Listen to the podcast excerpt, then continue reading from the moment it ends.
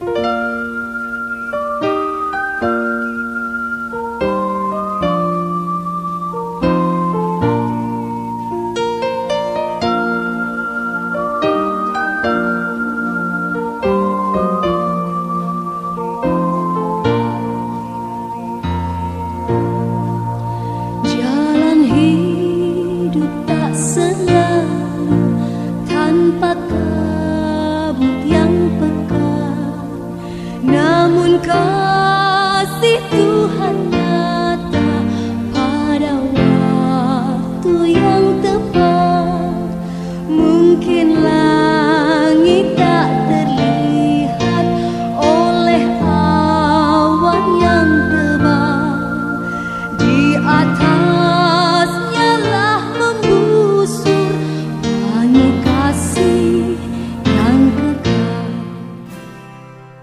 92,5 Maestro FM House with the Sound Shalom dan selamat siang Sobat Maestro Apa kabar Anda? Doa dan harapan kami Anda tetap sehat, tetap semangat, dan tetap menikmati pemeliharaan Tuhan. Kembali program Pelangi Kasih hadir menemani Sobat Maestro dan mungkin bagi Sobat Maestro yang ada pertanyaan-pertanyaan seputar keuangan ataupun seputar bahasan-bahasan siang hari ini, silakan bisa SMS ataupun WhatsApp di 081 321 000925. Seperti apa sih cara memilih partner bisnis yang baik? Seperti biasanya saya tidak sendirian karena sudah bersama-sama dengan saya rekan-rekan dari Kingdom Business Community Bandung. Ada Ibu Ivana, ada Bapak Yahya, Bapak Samuel, Bapak Yudi, dan Bapak Andi. Pak, Ibu, ini kan uh, kita menindaklanjuti apa yang sudah kita perbincangkan beberapa waktu uh, Selasa kemarin ya tentang memilih uh, partner bisnis. Nah, kira-kira ini seperti apa ini pengalaman dari teman-teman dari Kingdom Business Community Bandung? Silakan. Ya, mungkin saya sedikit memberikan satu insight sedikit ya Pak di depan. Jadi iya, silakan. selama di dalam berbisnis itu tidak selamanya kita itu harus memiliki bisnis itu secara sendiri atau artinya kita berbisnis sendirian. Namun kadang-kadang kita juga butuh partner bisnis yang lain. Kenapa kita membutuhkan partner? Ya, ada berbagai macam faktor atau tujuan ketika kita memerlukan atau butuh menggandeng partner di dalam berbisnis. Contohnya bisa saja ada beberapa hal kekuatan yang dimiliki oleh partner sehingga saya butuh orang itu untuk melengkapi kelemahan-kelemahan yang ada di dalam segi manajerial, segi keuangan, ataupun hal-hal yang berkaitan dengan operasional perusahaan. Namun, bisa juga karena perusahaan sudah mulai berkembang dan membutuhkan suatu ekspansi, kadang-kadang butuh capital atau modal yang besar. Tentunya penambahan modal ini bisa dilakukan dengan berbagai cara. Salah satunya dengan berpartner, dengan adanya partner yang baru ataupun partner dari bisnis dalam satu bisnis tentunya modal itu bisa ditambah oleh mereka. Jadi kita bisa merunning uh, perusahaan itu dengan modal bersama-sama dengan partner kita. Itulah beberapa hal atau alasan kenapa kita kadang-kadang butuh partner dalam berbisnis. Iya, oke. Okay. Uh, eh, saya akan seperti biasa, saya kayak pendeta aja ya, selalu kasih ayat. Sebagai basic ya. ininya ya, Pak ya. Basic basic berpikir basic ya. Bible-nya. betul betul ya. Uh, walaupun ini nanti konteksnya tidak bicara tentang keuangan, tapi ayat ini bisa kita ambil uh, sebagai korelasi ya Pak Arya. Jadi yeah. nanti jangan tes kalau oh ayat ini konteksnya bukan di situ, mm -hmm. tapi kita ambil korelasinya saja. Ya, jadi kalau misalnya tadi bicara partner yang sudah dibicarakan di awal oleh Pak Yahya, nah saya ambil satu ayat di Pengkhotbah 4 ayat 9 sampai 10. Firman itu berkata, berdua lebih baik daripada seorang diri karena apa? Tadi kalau seorang diri punya kapasitas A, maka kalau kita bisa berdua ada orang yang punya kapasitas B, itu bisa saling mengisi. Nah, berpartner itu bisa seperti itu sehingga kita bisa mengembangkan uh, usaha kita lebih besar lagi ya seperti itu. Karena dikatakan mereka menerima upah yang baik dalam jerih payah mereka ya. Jadi berdua itu bisa saling mengisi. Karena kalau mereka jatuh, ya artinya ada kelemahan, ada weakness di setiap orang, yang seorang bisa mengangkat temannya. Tetapi why katanya? Orang yang jatuh yang tidak mempunyai orang lain untuk mengangkatnya. Dan bila mana seorang dapat dikalahkan oleh dua orang, akan dapat bertahan. Tiga, kali tiga lembar tak mudah diputuskan. Jadi kalau kita diilustrasikan kalau ada satu benang yang hanya satu lembar gampang sekali putus tapi kalau benang itu dililit sampai uh, lebih banyak dari uh, lilitan-lilitan benang itu mutusinya lebih susah. Artinya uh, kalau kita punya partner yang solid yang kuat itu uh, sangat sulit digoyahkan. Nah satu ayat lagi. Ini juga sama konteksnya bukan tentang keuangan tapi saya ambil aja korelasinya.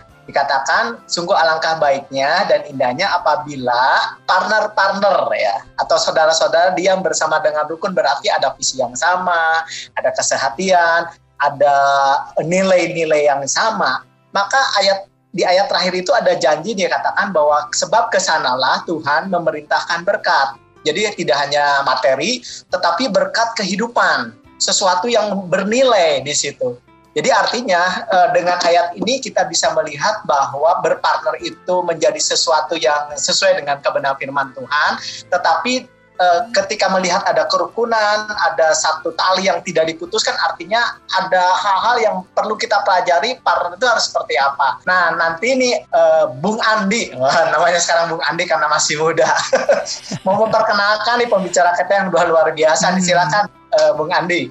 Terima kasih Pak Sam. Ya, uh, tema kali ini sangat menarik karena menurut saya mencari pasangan dalam berbisnis itu seperti kita juga berinvestasi. Kalau misalkan kita berinvestasi di pasar modal, let's say, kita kan menginvestasikan uang kita tuh. Nah, kalau kita berinvestasi, uh, kalau kita mencari partner dalam berbisnis itu seperti kita berinvestasi dalam hubungan. Kalau misalkan kita berinvestasi di pasar modal, kita rugi, uang kita hilang, tapi uang kita bisa cari lagi. Nah, kalau misalkan kita berinvestasi di hubungan, itu yang kita investasikan waktu. Kalau misalkan kita salah pilih pasangan untuk berbisnis, yang rugi double, udah rugi materi, rugi waktu juga.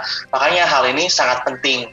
Jadi, uh, mencari partner itu nggak segampang apa yang seperti kita uh, bayangkan mungkin ya. Ada beberapa poin yang perlu diperhatikan oleh kita saat kita memilih partner dalam berbisnis. Saat ini tuh ada dua narasumber kita yang kurang lebih sudah 20 tahun lebih berbisnis dan mempunyai partner. Mari kita dengarkan pengalaman teman kita ini, Bu Yudi dan Bu Ivana. Silahkan. Iya, selamat pagi ya menjelang siang ya. Um, ya sedikit kalau dari saya saya uh, latar belakang saya ada beberapa line bisnis tapi core saya adalah di kontraktor dan developer. Saya dari awal saya berbisnis saya sudah mencari partner. Saya sudah mencari partner dan dari pengalaman sama saya berbisnis saya coba merumuskan dan memang sebenarnya mudah-mudah sulit. Ya saya bilang mudah-mudah sulit karena memang mudah dituliskan tapi sulit buat di dilaksanakan sebenarnya karena e, harus benar-benar terampil kita memainkan dalam apa mencari partner ini. Yang pertama pertama saya menilai bahwa langkah pertama buat mencari partner yang pas itu adalah mulai dari diri kita sendiri dulu sebenarnya. Yaitu kita berani untuk jujur dan berani untuk terbuka. Apa sih yang sebenarnya kita cari dari partner kita? Apa sih yang sebenarnya kita butuhkan? Siapa diri kita. Karena semakin kita terbuka, maka kita akan e, bisa menjelaskan diri kita dengan apa adanya kepada lawan bicara kita, dengan calon partner kita. Selanjutnya, langkah kedua adalah kita dengan terbuka dan jujur itu, kita akan lebih bisa mengetahui apa sih menjadi kekuatan saya, apa menjadi kelemahan saya. Nah, inilah kuncinya. Kenapa kita harus mengetahui ini supaya jangan sampai kita uh, tidak mengenal diri kita sehingga kita tidak tahu sebenarnya apa yang kita butuhkan sih sebenarnya ya. Apa yang kita bisa saling isi dalam hal ini. Jadi mengetahui apa yang menjadi kekuatan dan kelemahan kita. Sebaliknya teman kita juga harus mengetahui juga kekuatan dan kelemahannya. Setelah kita saling kenal mengenai kekuatan dan kelemahannya, maka langkah ketiga adalah kita coba cocokkan. Kita mau ke mana nih dalam berpartner ya? Visi misinya seperti apa? Apakah saya visinya saya hanya mau buat skala kota Bandung, atau saya cita-citanya visinya saya mau nasional atau bahkan lebih dari itu. Dan kita tetapkan langkah-langkahnya secara bersama. Tahun ini kita mau melakukan apa, tahun depan kita mau melakukan apa. Jadi perencanaannya memang mesti siap. Setelah kita sama-sama menyamakan visi, misi, kita sudah tahu satu sama lain, sudah terbuka, tahu kelemahan dan kekurangan masing-masing, baru deh kita cocok-cocokin gitu ya. Langkah yang keempat adalah kira-kira kita bisa saling melengkapi nggak dengan apa yang kita sudah canangkan tadi dari langkah satu sampai ketiga tadi. Kita bisa pas nggak bisa nyambung nggak, bisa connect nggak. Nah, setelah kita sudah menganggap bahwa eh kita cocok nih ya ternyata ya, baru kita rumuskan semuanya secara tertulis. Nah ini dia e, kebanyakan bisnis itu gagal karena satu oh mumpung keluarga ya, ya keluarga teman dekat, jadi kita malas untuk menuliskannya semua ke dalam perjanjian kerja, perjanjian kerja sama. Jadi kita coba membiasakan diri uh, dan harus membiasakan diri menuliskan semua apa yang menjadi kesepakatan kita bersama partner kita. Bisa di, uh, sebaiknya memang semua perjanjian itu di depan notaris ya kita buat segala legalitasnya dengan baik. Memang betul memakan biaya, tetapi ini akan menjadi sangat penting apabila nanti, suatu hari nanti terjadi dispute. Ya, kalau ada dispute ya kita akan akan melihat kembali ke perjanjian yang pernah kita tulis Nah, setelah kita sepakat, kita salaman, kita sudah menuliskan itu semua, mulailah bisnis kita berjalan. Nah, tentunya dalam perjalanan bisnis itu kan nggak selalu mulus, lurus gitu ya. Bisa aja tiba-tiba mungkin kita dalam kondisi tidak fit, kita nggak fokus, dalam perjalanan kita goyang. Bisa juga sebaliknya partner kita juga dalam perjalanan juga goyah juga. Sehingga dalam perjalanan itu nggak lurus lempeng gitu ya. Oleh sebab itu kita perlu toleran kita mesti melihat bahwa oh ternyata partner saya tidak seperti yang kita bayangkan ya. Jadi eh, pasti ada satu dua hal yang tidak bisa memenuhi. Yang misalkan kita berjanji nih porsi kita 50-50 dalam suatu kegiatan, kita tanggung jawab juga kita bagi dua, semuanya bagi dua.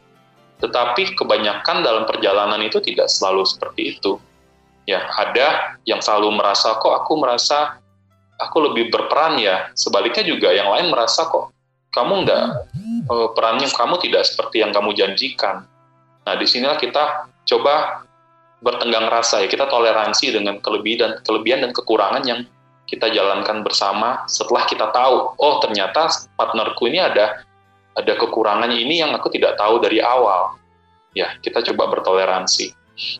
Nah, dan terakhir, setelah kita berjalan berapa lama, pasti ada ganjelan-ganjelan dan ada keluhan, ya kita pengen curhat, ya tapi tolong curhatnya jangan ke orang lain dulu, curhatnya kita harus ke partner kita dulu gitu loh. Jadi kita rajin-rajinlah melakukan evaluasi dari komitmen kita, nggak cuma sekali, bisa juga mungkin sebulan sekali kita ketemu, ya reevaluasi lagi, reevaluasi lagi. Saya menyebutnya reevaluasi karena hal ini harus evaluasi yang dilakukan berulang-ulang. Mungkin untuk orang-orang tertentu akan bosen. Tetapi kalau uh, saya ibaratkan kita sedang mengendarai mobil ya jarak jauh kita nyetir, kita harus wajib untuk mendisiplinkan diri untuk stop di setiap rest area yang ada mungkin ya seperti itu atau setiap satu jam sekali kita harus stop kita uh, stop di rest area itu dan kita tenang sejenak dan uh, untuk menyegarkan diri sendiri juga. Nah, sama juga dalam konteksnya bisnis dalam perjalanan itu kan panjang ya pasti ya. Nah, kita coba mendisiplinkan diri untuk stop. Mungkin kalau orang balapan ada pit stop ya, ada di Formula One itu ada pit stopnya. Jadi kita tahu oh saya harus stop nih. Kita disiplinkan buat terus re reevaluasi komitmen-komitmen kita kembali. Nah, kalau dari ketujuh langkah ini dilakukan, ini pun sebenarnya tidak 100% menjanjikan bahwa akan berhasil ya, tapi ini akan meningkatkan uh, probabilitas bahwa dari berpartner itu sendiri bisa berhasil ke depannya. Pak Yudi saya mau nanya dong, untuk di bagian yang being toleran tuh, saya sempat punya partner juga, tapi saya merasa saya toleran, tapi saya merasa akhirnya dirugikan. Ada batasan dari uh, pengalaman Pak Yudi itu sampai seberapa jauh kita toleran gitu Pak? Oke, ini menarik sekali. Memang krisisnya dimulai pada langkah ke-6 sih ya, Andi. Ya. iya, Pak. Memang dimulai di langkah ke-6. Kenapa? Karena langkah ke-6 adalah langkah langkah real. Dari langkah pertama sampai langkah kelima itu masih di angan-angan sampai di atas kertas ya eksekusinya adalah di langkah ke-6 sebenarnya. Nah, um, tentu batasan-batasan itu kita harus punya, ya bro. Ya, jadi kita harus punya batasan-batasan itu, dan itu tentu menjadi um, menjadi limit kita. Ya mungkin kalau tadi kan Bro Andi bilang ada investasi di pasar modal ya, jadi kita tahu kapan kita masih cut loss ya. Hmm. Kapan kita masih cut loss, kapan kita uh, top up seperti itu istilahnya mungkin kalau di dunia uh, investasi di kapan cut loss kapan harus serok lagi ya kok iya seperti itu nah jadi memang um, perihal ini juga sebaiknya sudah di stepkan di langkah kelima tadi Bro Andi. Artinya kita sudah jelaskan bahwa di langkah kelima tadi kalau bisa tertulis ya kita bilang sama teman kita apabila segala situasi ada ada situasi di mana skenario sesuatu yang terburuk terjadi versi kita dan kita tahu dan kita bisa tuliskan kita tuliskan di semua perjanjian dalam perjanjian itu berani ya. Hmm. tapi memang tentu tidak semua bisa kita tuliskan di awal ya karena e, biasanya persoalan-persoalan yang variasi dari persoalan itu baru muncul apabila kita sudah menjalankan bisnis itu sendiri. Biasanya seperti itu. Jadi untuk e, semoga menjawab ya Bu Randi ya. Jadi memang e, harus tentukan limitnya Anda di mana kapan Anda mesti keluar, dan uh, tentu proses-prosesnya kalau bisa memang sesmooth mungkin ya, nggak tiba-tiba keluar seperti itu ya. Berarti memang kesalahan saya ada di step kelima itu ya? Mungkin ada terlalu baik. Ada perjanjian, iya mungkin, mungkin, mungkin. Bukan terlalu baik, tapi uh, maksud saya sebutnya mungkin apa limitnya terlalu lebar kali ya sehingga iya mungkin uh. ya memang kalau tole kalau kalau kita bertoleransi terhadap sahabat kita ya keluarga kita apalagi memang biasa lebih lebar ya kalau mungkin orang yang baru kita kenal um, tentu kita bisa lebih strict biasanya ya kalau hmm. psikologi banget tapi itu pun jarang ya kita berpartner sama orang yang tiba-tiba kenal itu juga kan jarang ya ya. Biasa itu jarang hmm, betul.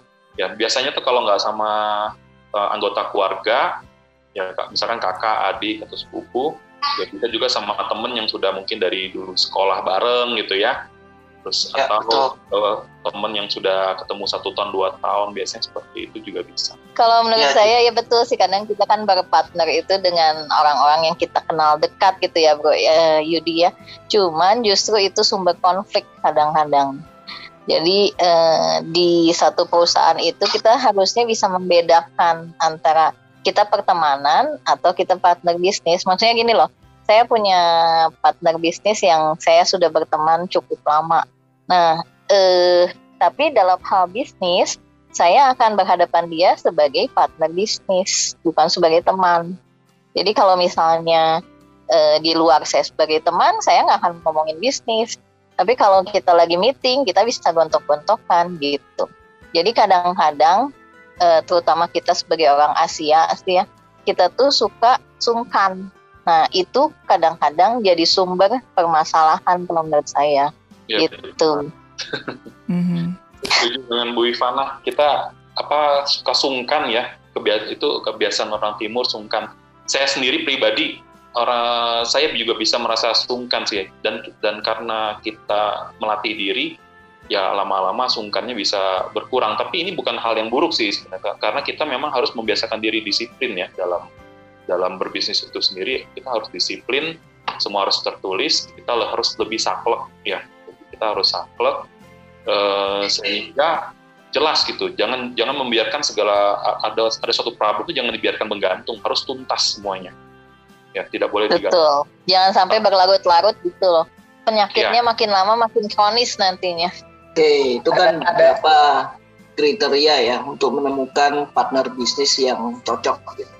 Tapi sebelum sampai step-step yang detail enam langkah itu, biasanya apa sih yang pertama kali Anda lihat ketika Anda sebelum memutuskan untuk eh orang itu kayaknya oke okay nggak ya buat jadi partner aku atau orang itu kelihatannya cocok nggak? Nah, ada nggak hal-hal yang pertama kali Anda pertimbangkan atau Anda lihat sebelum sampai detail ke 6 atau 7 hal tersebut yang mungkin sesekali mungkin bisa muncul dalam hidup dia yang mungkin bisa menjadi dasar oh ya saya akan cobalah ngobrol dulu sama orang ini walaupun belum tentu menjajakin gitu. Ada nggak kira-kira hal-hal yang awal deh gitu? Kalau saya, saya udah berapa kali sih ya berbisnis dan pertama gini sih, intinya kita kan punya ide tuh. Idenya pertama kita masih sendiri nih. Kita punya ide sesuatu.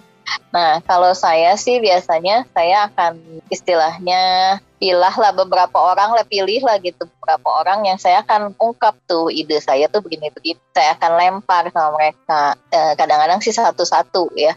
Dan hmm. saya lihat visi misi mereka tuh bagaimana. Kalau kelihatannya dari awal udah nyengso ya saya sih nggak akan ajak ya nggak akan terusin. Kan kita kayak baru berbincang-bincang doang lah kayak kalau lagi pacaran sih baru PDKT lah gitu ya betul sekali kayak ya Nah, yeah. udah gitu, kalau misalnya klik nih kelihatannya, wah satu visi, satu misi nih kelihatannya baru sampai situ aja, saya akan dalami lagi gitu. Hmm. Sampai berapa kali, uh, mungkin saya juga ada beberapa teman yang diajak, kita statuin, kelihatannya nih bisa nggak dari diskusi kayak begitu aja sebenarnya udah cukup bisa kelihatan.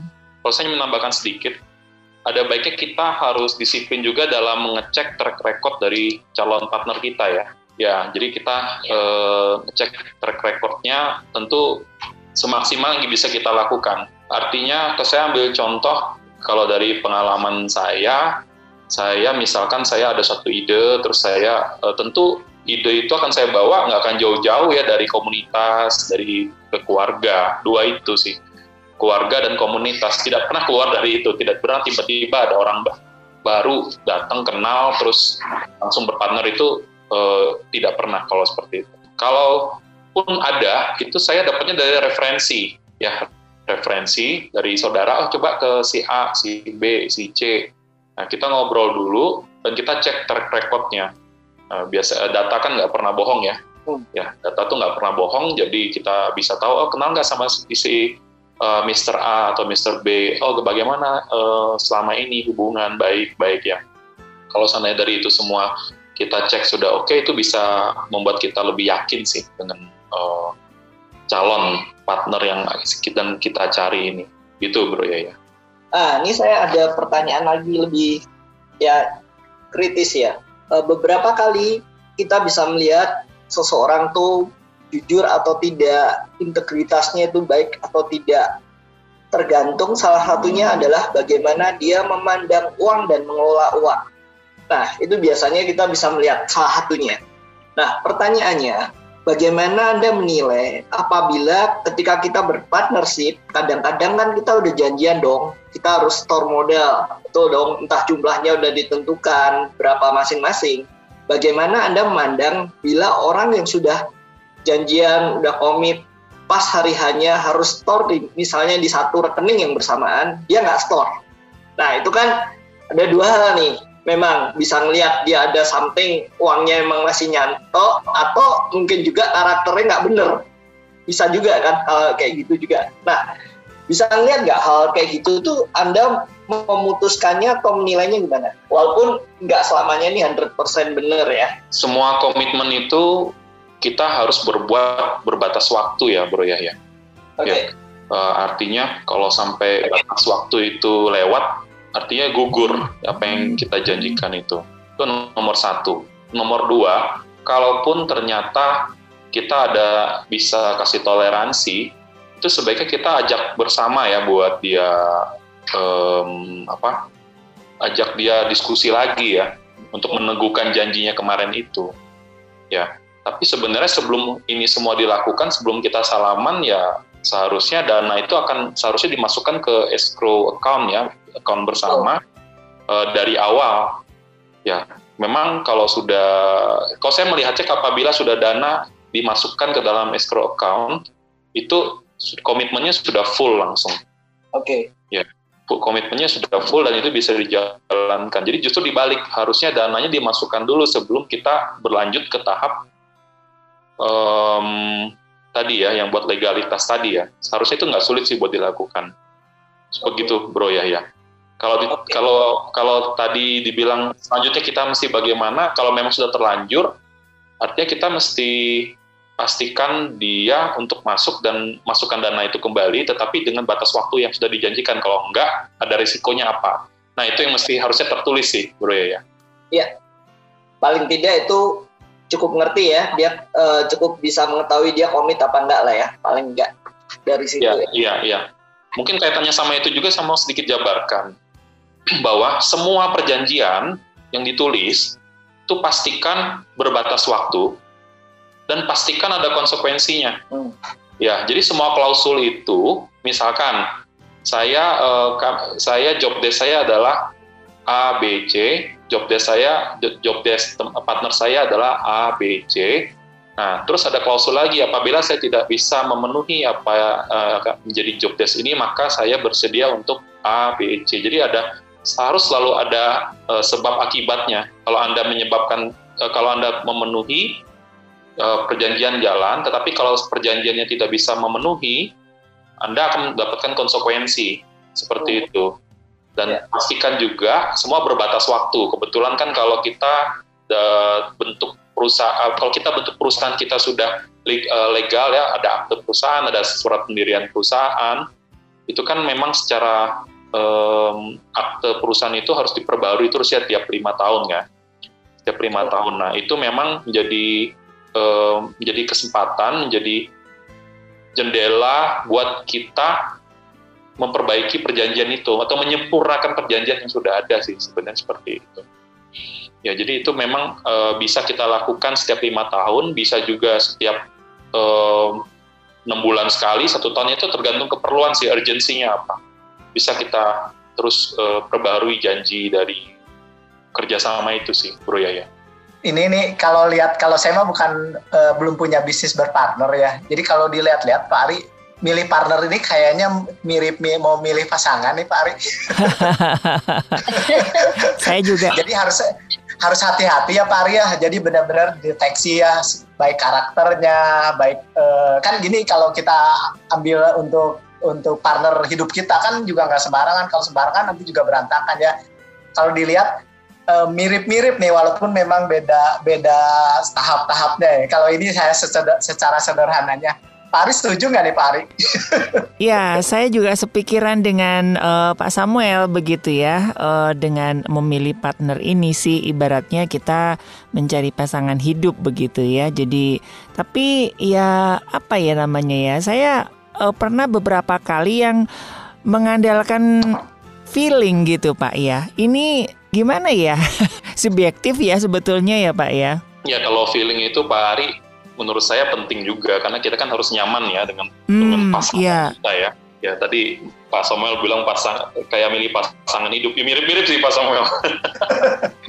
Karena mirip-mirip. Hanya bedanya kalau dalam buat bebet ya. Hanya saya kasih tahu bedanya. Ada bedanya satu kalau di bisnis kan uh, bisa anytime uh, putus Pak Hmm. Ya, ya apa, apa pun alasannya itu ya bahkan alasannya bisa sederhana, bisa kompleks, bisa, artinya bisa bisa putus dengan dengan cepat itu ya. Itu ada kesempatan buat itu. Tapi kalau konteksnya feeling, chemistry ya, kalau saya nyebutnya chemistry yeah, itu yeah. penting juga. Kalau kita nggak bisa nyambung sama uh, komunikasinya, terus uh, kita nggak bisa gayung bersambut uh, dalam berdiskusi, ya itu juga menjadi sesuatu uh, kekurangan juga sih Pak Ari sebenarnya mm -hmm. ya. Mm -hmm. Jadi penting feeling uh, chemistry itu kita punya uh, adjustment. Aduh saya secara emosional kita bisa bonding nih sama dia ya. Yeah. Nah ini juga penting. Tetapi belum tentu teman atau keluarga yang enak diajak ngobrol pada saat diajak bisnis itu belum tentu cocok juga ya. Artinya memang mm kedua aspek ini harus sama-sama dijalankan sih. Hmm.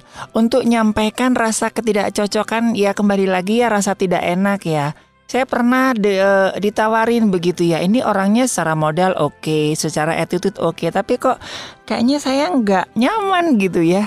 Tapi untuk ngomong untuk nolak itu kayaknya gimana gitu. Kira-kira ada nggak Pak uh, tips gitu? Ya belak-belakan aja kali ya atau gimana ya? Itu sis Ivana itu yang jago. gimana Bu Ivana? ya itulah Pak Kita tuh sebenarnya harus ngesampingkan sungkannya itu loh. Kadang-kadang kita ngerasa di awal kita ngerasa aduh saya nggak enak nih kalau ngomong gini. Padahal kalau kita berlarut-larut itu lebih nggak enak lagi, hmm. gitu loh. Jadi sebenarnya kalau kita udah matang nih, udah segala udah dipertimbangkan untuk menolak atau menerima pun, uh, kita mendingan bicara apa adanya. Jadi uh, apa ya komunikasi itu sangat penting loh dalam berbisnis. Ya klik itu harus sangat penting juga ya chemistry itu. Kalau kita tiap kali bicara itu nggak bisa nyambung sama orang itu kayaknya gimana kita bisa berbisnis ya gitu. Harusnya kalau kita bisa klik sama orang kita nggak ngomong pun uh, orang itu tahu gitu jadi uh, kasih kode sedikit juga orang udah bisa ngerti kalau kita udah bener-bener tahap yang kita tuh udah bener-bener klik masing-masing gitu. Mm-hmm. Jadi kalau menurut saya ya itu uh, ke satu komunikasi, kedua gak perlu sungkan uh, karena ini juga kadang-kadang kita berpartner juga nggak cuma berdua kan, yeah. mungkin bertiga, berempat. Nah mungkin kita nggak enak ke satu orang itu, tapi justru uh, bikin susah yang lain gitu. Jadi intinya dalam bisnis itu kita sih harus uh, apa ya terbuka, harus fair, harus berani konfront gitu sedangkan orang orang kita tuh orang timur yang paling nggak bisa biasanya konfrontir. Padahal konfrontir itu sesuatu yang baik kalau menurut saya. Saya ada pertanyaan sedikit juga Iya silakan Pak Samuel. Nomor satu ya memang kayaknya sederhana yang akhirnya nanti dapat ke chemistry dapat kecocokan seperti itu kan kalau e, kalau nggak salah itu di poin yang satu tuh kita harus e, terbuka ya. Terbuka artinya terbuka berarti ada sebuah kejujuran. Keterbukanya sampai sejauh mana karakter itu sangat penting. Jadi uh, penting untuk kita terbuka ya. Kadang-kadang uh, dari sifat-sifat itu kita tuh tahu kita bisa cocok atau enggak. Dan tentang keterbukaan kita sih mungkin bisa ya terbuka gitu. Tapi ada satu hal yang kadang kita sendiri nggak tahu kelemahan kita sendiri. Itu yang sulit. Nah itu yang sebenarnya harus saling menggali uh, sesama partner kalau menurut saya. Jadi kalau misalnya pertama keterbukaan itu artinya kita udah mau bener-bener nggak ada yang disembunyikan gitu. Gak ada yang disembunyikan tuh apa? Jadi uh, kita percaya nih partner kita. Nah tapi di lain hal lagi kita juga kadang-kadang kita nggak tahu kelemahan kita sampai kita menemui satu masalah. Nah ini tuh mungkin bisa dilihat sama partner kita. Jadi kita tuh harus uh, apa ya kalau menurut saya saling terbuka dan berani konfrontir. Itu yang tadi saya ngomong. Kadang-kadang kita harus ungkapin oh kamu tuh gini-gini nih kelemahannya kamu nggak nyadar. Nah hal-hal seperti itu emang harus dari awal kita apa ya uh, adjust. Inilah maksudnya saling uh, maju mundur. Jadi artinya gimana ya maksud saya uh, ya kadang-kadang kita kita ngelebih tapi kadang juga kita harus tolerir. Ya gitulah kurang lebih tapi sebenarnya intinya kalau kita udah istilahnya 70-80% yakin, kita harus jalan karena kita nggak mungkin sampai 100% yakin. Dan nanti saat kita berbisnis, kita harus siap-siap untuk kaget. Karena orang yang kita selama ini kenal yang udah 10 tahun, 20 tahun kenal, oh rupanya seperti ini gitu. Nah, itu kita harus siap juga tuh di situ. Siap-siap kaget dalam ber berpartner kalau menurut saya. Itu menarik tuh yang tadi terakhir si Sivana bilang. Siap-siap kaget ya Pak Sam. Itu saya iya. setuju bang. Kaget itu di sini, oke. Okay. Mungkin orang-orang takut, aduh aku takut milih partner, aku takut gagal. Jadi mata saya, kegagalan itu adalah proses untuk kita hmm. naik level. Itu di mata saya. Kalau kita biarkan kegagalan itu lewat begitu aja ya, kita buang waktu, buang tenaga, buang uang juga. Tapi kalau dari kita ambil pelajaran dari kegagalan itu, tentu itu akan membangun saya dan membangun partner saya sih. Saya ambil contoh seperti ini. Saya punya partner itu sebenarnya introvert, Pak. Ya. Partner saya, saya punya partner satu sebenarnya introvert. Tetapi dalam perjalanan, dia kebentur kanan kiri, terus kita belajar, kita saling uh, dukung sampai saat ini introvert uh, dia bisa mengendalikan introvertnya ya dia berani buat lebih ekspresi dia berani buat keluar dan dia berani buat marketing istilahnya seperti itu ya. Jadi dia berani ketemu orang deal dengan orang dan lain-lain. Jadi memang um, kalau kita melihat suatu permasalahan itu ya apa yang dilihat sama partner saya ini ya saya ambil contoh kalau pada saat dia waktu itu dia memutuskan buat tidak mau ya pasti eh, nggak akan jadi nih hubungannya ya. Tetapi karena yang dipilih dipilihnya ada kebalikan maka itu uh, akhirnya membangun diri dia sendiri dan membangun saya juga karena pada saat saya melihat dia berubah kita juga kan jadi uh, terpacu ya wah dia bisa berubah dan lebih baik dan saya juga harusnya bisa lebih upgrade dari saat ini nah ini ini ini ini yang keuntungannya dalam berpartner itu kita bisa saling TikTok gitu ya kita TikTok hmm. seru gitu loh ya kita kayak yeah, yeah. main main bulu tangkis itu ada temennya gitu seru gitu ya hmm. ini yang yang yang yang akhirnya sharing partner ya bro iya yeah. sharing partner Uh, kalau saya ya, kalau tinju sendirian kan kalau kita mukul angin capek ya pak ya jadi kalau sparringnya tuh wah seru nih ya nah, tapi yeah, yeah. Nah, seperti itu jadi memang pak Sam kita nggak perlu bilang wah karakter saya begini begini enggak pak orang pasti akan bisa menilai kita dan sebenarnya kita juga pasti akan bisa menilai lawan bicara kita. Hmm. Itu sudah pasti. Tapi kalau memang kita mau menjelaskan bahwa dari awal misalkan ya kalau paling simpel ya kalau saya saya kerjasama saya pengen sungguh-sungguh ya saya nggak mau ditipu. Ya saya pasti state itu dari awal biasa. Uh, memang itu hal yang lumrah umum mungkin sedikit uh, norak menurut saya statement itu. Tapi saya ucapkan saya mau berpartner sama kamu serius karena saya serius. Dan tolong jangan tipu saya itu, itu memang uh, awalan dan tapi itu uh, saya ucapkan. Nah kembali lagi kalau seandainya uh, karakternya nggak cocok pasti dari awal ngobrol itu udah nggak nyambung pak sama pasti hmm. dari awal udah nggak nyambung. Jadi memang uh, kita tuh pasti dalam menentukan suatu langkah buat gabung pasti ketemunya beberapa kali makan bareng misal gitu ya kita diskusi bareng. Terus kita tes case dengan hal-hal kecil biasanya. Ya tes tes kecil dengan pada saat makan dia seperti apa datangnya on time atau enggak. Itu kan hal-hal kecil yang bisa kita lihat ya dari partner kita ya. Kalau belum apa-apa datangnya telat ya kita kan langsung oh minus gitu ya. Terus bagaimana cara dia eh, cara dia berdiskusi dengan kita? Bagaimana dia memperlakukan kita?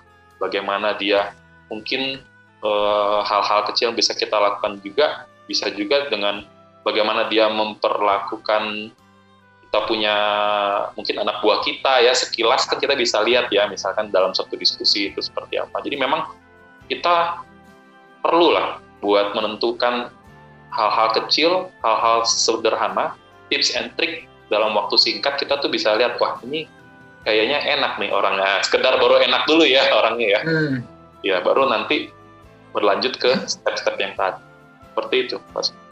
Ya luar biasa nih kalau saya lihat nih Bro Yudi, Pak Yudi sama Bu Ivana ketika membangun partner ya tidak hanya fokusnya duit nih kalau dia gini artinya apa dia memperhatikan juga uh, partnernya dan juga untuk dirinya sehingga di dalam bisnis ini selain uh, profit yang akan dicapai, tetapi uh, juga melihat satu pembangunan diri di dalam sebuah tim. Wah ini luar biasa. Jadi ada ternyata di partner memilih partner pun ada satu value yang uh, mereka uh, mereka uh, apa uh, cari juga ya. Nah kalau saya ini juga penasaran nih kalau perusahaan-perusahaan besar nih yang kelas-kelasnya tinggi gitu, apakah mereka uh, waktu merger atau bekerja sama melakukan hal seperti ini enggak ya? Atau mereka kan hanya lebih cenderung ya yang penting mas saya untung udah aja agreement yang paling penting di atas notaris secara hukum. Kira-kira ada ada bayangan ya kalau untuk perusahaan-perusahaan besar gitu? Saya ke satu belum sampai ke perusahaan besar begitu. Cuman kalau menurut saya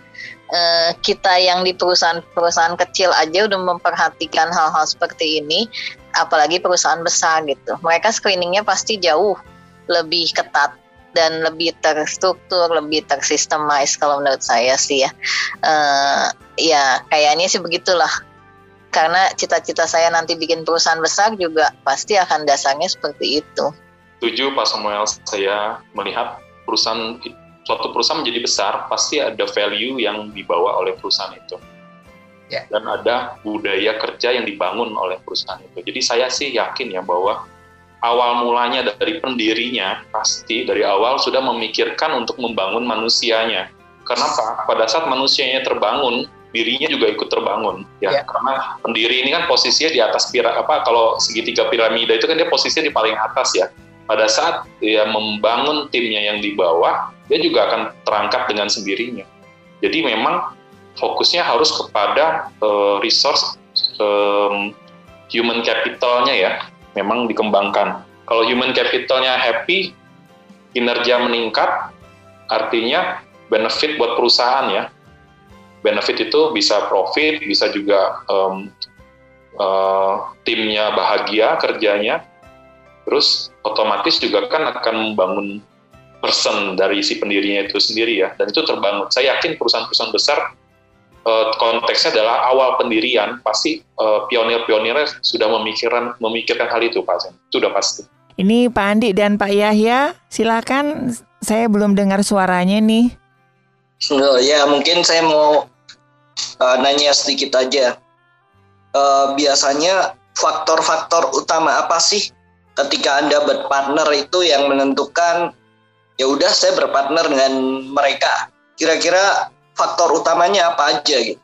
Ya ini mungkin anda kan sebutkan ciri-cirinya, kemudian hal-hal yang perlu berpartner. Nah, kalau buat anda sendiri faktor utama apa yang membuat anda mau berpartner dengan orang lain? kalau saya kenapa memilih berpartner gitu ya? Maksudnya ya, ya kenapa saya memilih berpartner? Sebenarnya saya kalau awal mula dulu sederhana sekali pak alasannya. Jadi kalau saya itu memandang kalau seandainya saya ada halangan ada tim yang membackup saya ada partner yang akan membackup saya. Hmm. uh, saya ibaratkan begini ya saya ambil contoh. Misalkan seorang dokter ya dokter yang berprofesi praktek dia setiap hari ya dia akan mendapatkan penghasilan. Tapi kalau seandainya dia tidak praktek dia tidak akan mendapatkan penghasilan. Ya kapan dia tidak bisa praktek? Ya mungkin pas dia memutuskan untuk libur atau mungkin dia sedang uh, kondisi tubuhnya sedang nggak enak uh, sedang sakit ya atau dia mesti berhalangan ada keperluan keluarga. Nah di situ uh, penghasilannya terhenti ya tapi kalau kalau pada saat saya membangun tim, jadi ini konteksnya agak sedikit melebar ya, partner itu larinya ke tim. Karena pada saat saya memilih partner, ya ini kita bisa saling mengisi seperti itu. Hmm. Itu awal mulanya ya, Pak ya, ya awal mulanya itu ya, ya. sederhana itu ya, sesederhana itu. Namun memang pada kenyataannya juga um, saya ternyata tidak sengaja menentukan target yang cukup tinggi di awalnya Artinya saya ambil contoh seperti ini. Kalau saya sendirian, saya maksimum bisa pegang berapa proyek sih sebenarnya ya, dalam kontraktor. Anggap aja saya bisa pegang maksimum tiga gitu ya. Nah, pada saat saya mau ekspansi, artinya dalam hal ini mengambil proyek lebih dari tiga, saya kan pilihannya saya butuh orang atau saya butuh hire orang atau saya butuh partner seperti itu. Nah ini ada ada dua hal yang berbeda kalau kita um, pilih partner, jadi uh, kita akan mendapatkan rekan strategis untuk memikirkan perusahaan ini jalankan secara bersama-sama. Nah, kalau kita memilih hire anak buah, artinya kita akan jadi think tanknya kurang lebih di awal tuh kita sendirian artinya. Hmm. Ya, jadi saya memang uh, pada saat itu memang menetapkan target yang cukup tinggi sehingga memang saya memutuskan untuk nggak ada pilihan lain harus berpartner seperti itu. Hmm. Ya jadi memang ada beberapa pertimbangan Pak Yaya ya bisa macam-macam kalau seandainya yang saya saya mau uh, saya mau dagang online misalkan seperti itu ya artinya saya mesti numpuk barang mungkin saya ada opsi mesti numpuk barang artinya itu ada capital gitu kan kalau ternyata capital saya terbatas saya pasti memutuskan wah saya lebih baik saya berbagi deh dengan partner saya yang mau invest di saya jadi yeah. maka yang mau jadi partner saya uh, silakan investasi atau terlibat, nanti dapat bagiannya kita bagi. Nah, dalam satu periode waktu, perhitungannya kalau kita dengan partner itu di perhitungan saya, dalam satu periode waktu yang sama dibandingkan kita kerjakan sendiri, oh. itu hasilnya akan lebih berlipat sih kalau kita uh, punya partner. Itu perhitungan saya Pak Yaya. Nah, bagaimana dengan orang-orang yang pengennya cuma jadi silent partner? Apakah Anda mengakomodasi hal tersebut? Kita tuh uh, dalam berbisnis kan mau berpartner ini kan banyak sekali tujuannya. Salah satunya juga emang capital. Kalau kita tujuannya di situ, kita bisa pakai silent partner. Nah, kalau saya sendiri, saya pribadi ini saya berbisnis, saya sebagai pengelola, uh, saya dapat majority. Terus yang lainnya uh, lebih kecil, tapi selain capital saya sih dapat banyak sekali. Jadi saling saling melengkapi. Melengkapinya bukan dalam hal operasional. Karena operasional saya yang pegang keputusan terakhir itu di saya. Tapi uh, saya banyak sekali dapat inputan. Uh, hal-hal yang non teknis itu banyak sekali dari mereka. Jadi uh, itu sih pengalaman saya pribadi cuman kalau suatu hari saya perlu modal, mungkin saya akan cari silent partner gitu. Kurang lebih sih begitu. Jadi intinya gini lah, kita tuh butuh orang itu pasti ada sesuatunya. Nggak mungkin kita tuh uh, ajak satu orang partner tapi nggak ada fungsinya sama sekali gitu. Jadi kalau misalnya ada beberapa perusahaan nih perlu nama gitu atau apa ya seperti itu kan kalau zaman dulu banyak tuh. Nah itu yang dipakai silent partner tapi tetap harus ada manfaatnya dong. Jadi uh, ya seperti itulah semua segala sesuatu itu dalam perusahaan itu dalam berbisnis itu dalam berpartnership itu kan ada ininya lah ada maksudnya semua ada ada yang harus berkontribusi saya bisa tambahin sedikit ya, uh, Bro ya. Ya kalau dari kacamata saya, uh, silent partner itu sah-sah saja sih sebenarnya. Ya, mungkin pertanyaannya itu apakah akan uh, berjalan langgeng? Kalau silent partner, yang saya tahu sih jarang ya yang langgeng ya, yang setahu saya yang silent partner. Jadi memang itu sebaiknya ada berbatas waktunya tadi ya, ada batas waktunya. Um, begini, silent partner apabila dia invest, bukan sorry, bukan invest ya, tapi dia silent partner, sedangkan yang satu lagi partnernya full gitu ya, maksudnya gitu ya, bro ya, full dia kan dia hanya diam aja. Itu sebenarnya tidak tidak tidak ada masalah, tidak ada masalah sama sekali sepanjang partner yang operationnya itu tidak keberatan. Nah mungkin ada deal-deal khusus ya di antara mereka berdua sih ya. Saya ambil contohnya dua orang, satu sales partner, satu yang uh, full operation. Nah, itu pasti ada deal-deal khusus dan biasanya itu um, yang mem, akhirnya membuat yang operationnya bisa setuju untuk menjalankan itu. Namun kembali lagi, uh, yang paling sehat adalah bagaimana kita bisa melakukannya itu secara bersama-sama. Nah, ini secara bersama-sama ini bisa direpresentkan kehadiran fisik kita atau bisa direpresentkan uh, di, diwakilkan oleh hadirnya perwakilan kita di dalam usaha tersebut sih sebenarnya. Nah sehingga uh, job desk job desk yang sudah kita nyatakan di dalam perjanjian itu bisa terlaksana. Ya kalau memang ujung-ujungnya job desk kita adalah hanya investasinya uang dan itu disepakati, ya itu silakan. Hmm. Di pengalaman saya itu biasanya pasti ada revisi sih di belakang hari sih. Biasanya seperti itu ya. Ini kayaknya uh, semakin seru ya perbincangan kita ya. Kayaknya mesti ada uh, segmen khusus. ya, waktu kita sangat terbatas nih ya. Jadi uh, mungkin dari Pak Yudi dan Bu Ivana ada sedikit kesimpulan ya. Nanti dilanjutkan dengan uh, Pak Yahya, Pak Samuel, dan Pak Andi. Silakan sebelum kita akan ketemu lagi di sesi-sesi selanjutnya. Silakan Pak Yudi dan Bu Ivana. Ya, baik. Saya uh, sangat bersyukur atas kesempatan ini dan saya mau mengencourage ya uh, buat semua pendengar bahwa jangan takut dan jangan ragu untuk berusaha mencari partner dalam berbisnis. Ya, karena berpartner dalam bisnis khususnya itu belum tentu dan tidak harus selalu bersama sampai akhir.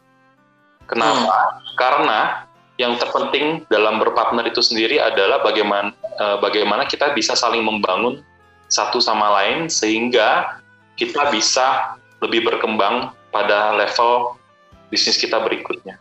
Kalau dari saya, ya sebenarnya intinya sih sama aja. Jangan takut berpartnership. Walaupun saya udah beberapa kali gagal, tapi saya uh, akan terus berpartnership kalau bagi saya. Dan kalau kita sudah bisa bersinergi, itu tuh uh, satu tambah satu nggak jadi dua gitu. Dan malahan bisa jadi seratus, bisa jadi seribu. Uh, kita tuh bisa lebih berbuah gitu. Jadi intinya yang penting kita berhati-hati dalam mencari partner, tapi itu bukan berarti kita harus berkecil hati dalam berpartnership.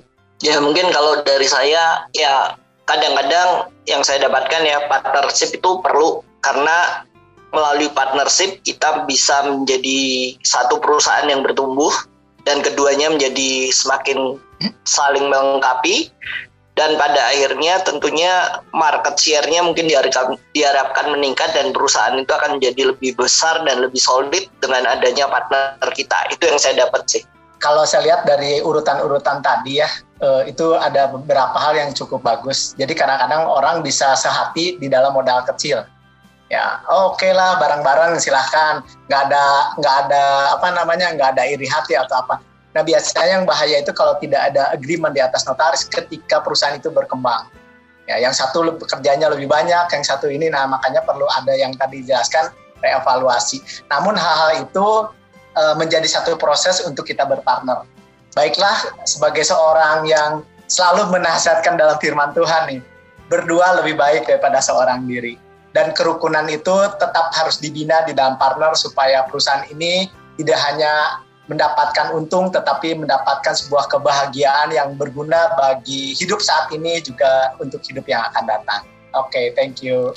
Kalau uh, untuk saya key takeaways-nya adalah kita harus jelas dulu semua dari awal, kita harus rumuskan semuanya dari awal supaya semuanya jelas dan ketika di tengah jalan kita ketemu ada batu sandungan ya improvise, adapt and overcome ya. Kita harus berimprovisasi, harus beradaptasi untuk melewati tantangan itu. Mungkin caranya dari step tadi adalah dengan merevalu merevaluasi komitmen tersebut. Ini sangat luar biasa dan sangat memberkati ya, mencerahkan uh, sobat-sobat maestro untuk kita tidak takut ya di dalam mencari partner bisnis. Sekali lagi terima kasih ya secara khususnya untuk Pak Yudi dan Ibu Ivana yang sudah menginspirasi kita hari ini, juga Pak Samuel, Pak Yahya, dan juga Pak Andi yang juga selalu setia menemani Sobat Maestro di Pelangi Kasih. Terima kasih. Terima kasih, Pak Ari. Terima kasih. Ya, terima kasih. Iya, Sobat Maestro, semoga perbincangan siang hari ini bisa memberikan satu inspirasi buat Anda untuk bisa menjadi benar, menjadi besar, dan menjadi berkat. Baik dari Gera Maestro Jalan Kaca Piring 12 Bandung, saya Ari dan juga rekan-rekan dari Kingdom Business Community Bandung mengundurkan diri, tetap jaga protokoler kesehatan dan Tuhan memberkati.